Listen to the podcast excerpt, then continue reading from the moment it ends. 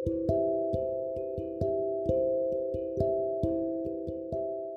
sahabat Female Things, akan kuceritakan kisah dua orang sahabat yang bertemu secara unik. Kisah ini berawal dari Kiana dan Rara yang bertemu di sebuah komunitas musik dan berlanjut ke chatting pribadi.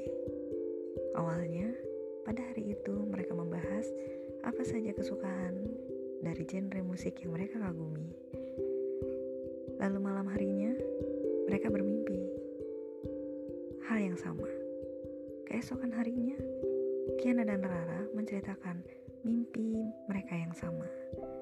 Awalnya mereka menganggap ini hal yang biasa, tapi tujuh hari setelahnya, mereka masih memimpikan hal yang sama, bahkan bersambung dari hari pertama sampai hari ketujuh. Kiana dan Rara bingung apa yang sebenarnya terjadi pada mereka berdua. Lalu mereka memutuskan untuk mendalami kisah-kisah di tiap hari dalam mimpi mereka. Sejak itulah mereka terus bersama walaupun tidak pernah bertemu atau bertatap muka.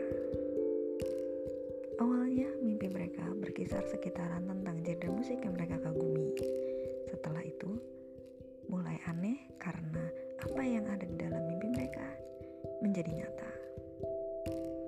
Seperti sebuah spoiler atau kode-kode yang terkandung dalam mimpi mereka, mereka harus meneliti, mengingat, dan menerjemahkan apa saja yang ada dalam mimpi tersebut.